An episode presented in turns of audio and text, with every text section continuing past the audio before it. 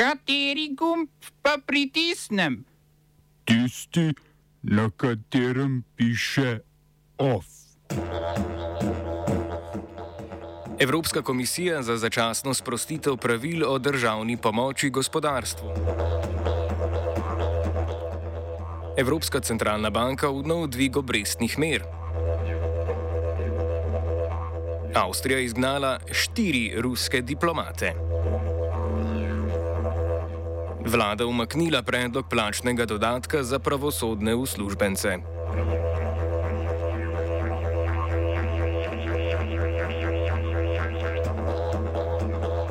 Evropska komisija je predstavila industrijski načrt zelenega prehoda.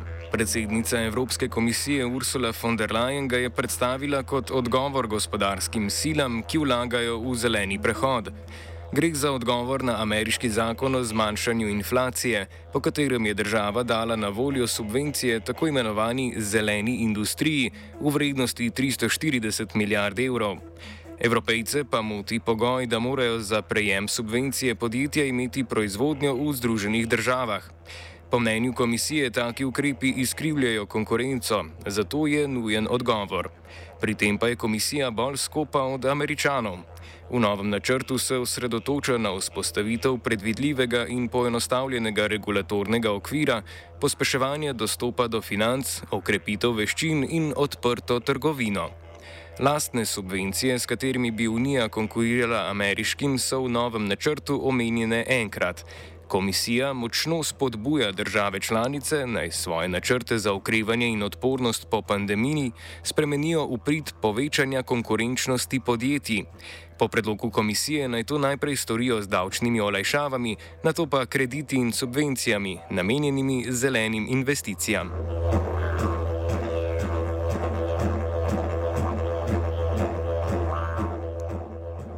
Ob industrijskem načrtu zelenega prehoda je Evropska komisarka za konkurenco Margaret Vestager predstavila nov okvir za začasno krizno državno pomoč.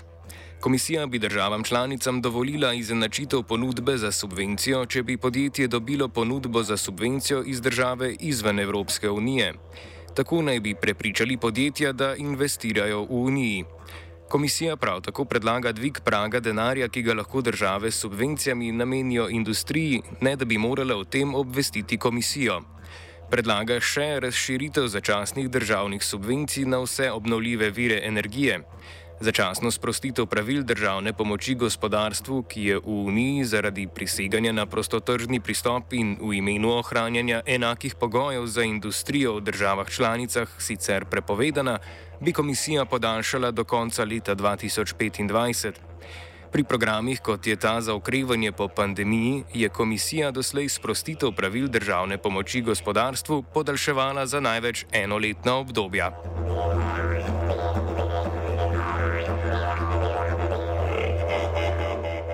Avstrija je izgnala štiri ruske diplomate. Dva zaposlena na ruskem veleposlaništvu in dva na ruski misiji pri Združenih narodih na Dunaju je zunanje ministrstvo obtožilo delovanja, ki ni skladno z njihovim diplomatskim statusom. Avstrija, ki ni članica NATO in je z Rusijo imela dobre odnose, je od leta 2020 tako skupno izgnala devet ruskih diplomatov. V Avstriji je sicer registriranih prek 140 ruskih diplomatov.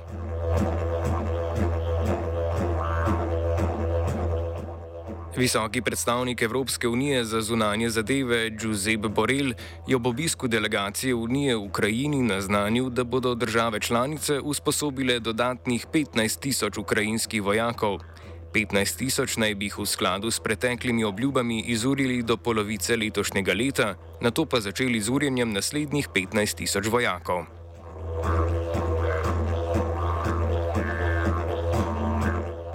Evropska centralna banka je dvignila ključne obrestne mere za pol odstotne točke.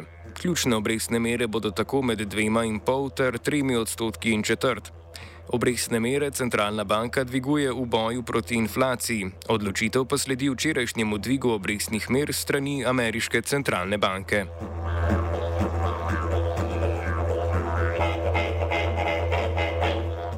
Pred parlamentom v Maroškem rabatu so se zbrali protestniki, ki nasprotujejo normalizaciji odnosov Maroka in Izraela.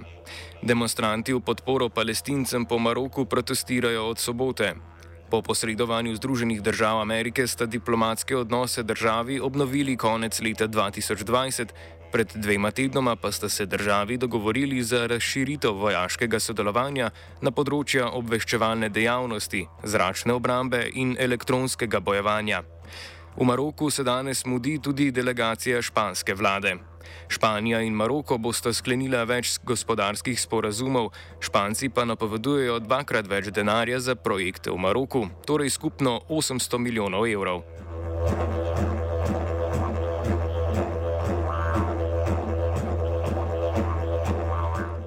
Vojaško sodelovanje krepijo tudi Združene države Amerike in Filipini.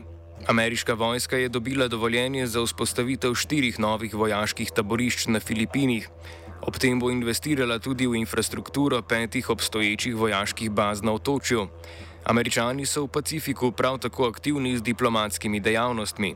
Na Salomonovih otokih so tako ponovno odprli svoje veleposlaništvo, ki ga na otočju niso imeli od leta 1993.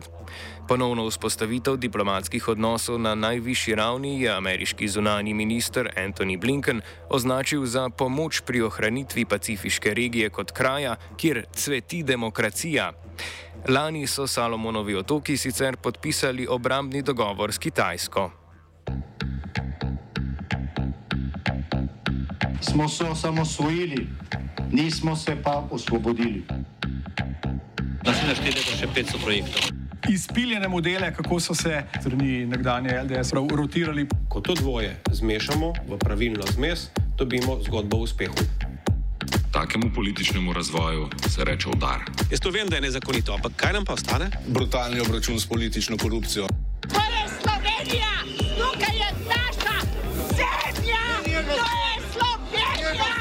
Slovenija, Slovenija. Vlada je iz zakonodajnega postopka umaknila predlog zakona o začasnem dodatku sodnikov in državnih toživcev.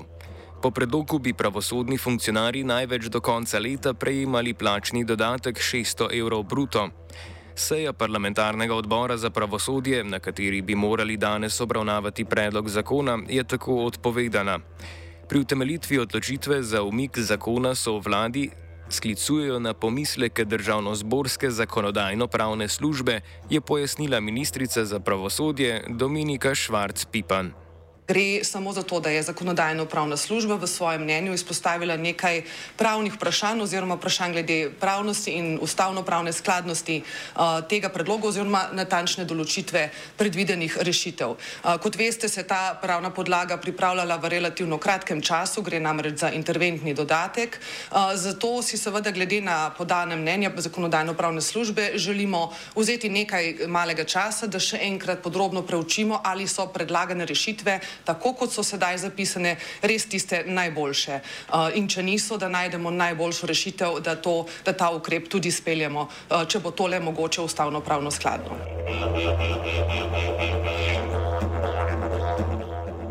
Zakonodajno-pravna služba je opozorila, da bi predlagan plačni dodatek omogočil, da bi višina plače in dodatka de dela pravosodnih funkcionarjev presegla višino plačnih razredov najviše uvrščenih funkcionarjev drugih vej oblasti, tudi predsednika republike, premijeja, ministrov in ustavnih sodnikov. Vlada bi s tem posegla v veljavna razmerja in njihovo primerljivost. Predlog zakona pa bi bil lahko po mnenju zakonodajno-pravne službe sporen tudi z vidika načela delitve oblasti. Včeraj so sicer zaposleni na finančni upravi zahtevali naj vlada v primeru, da bi to leto pri plačnih zahtevah ugodila komorkoli v javnem sektorju, plačni dodatek v višini 600 evrov mesečno izplačala tudi njim.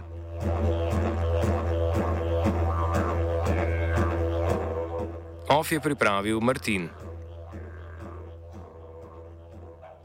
Mega radio. Tako zelo, zelo dober. Radio študent za vse generacije z blagim priokusom počasno.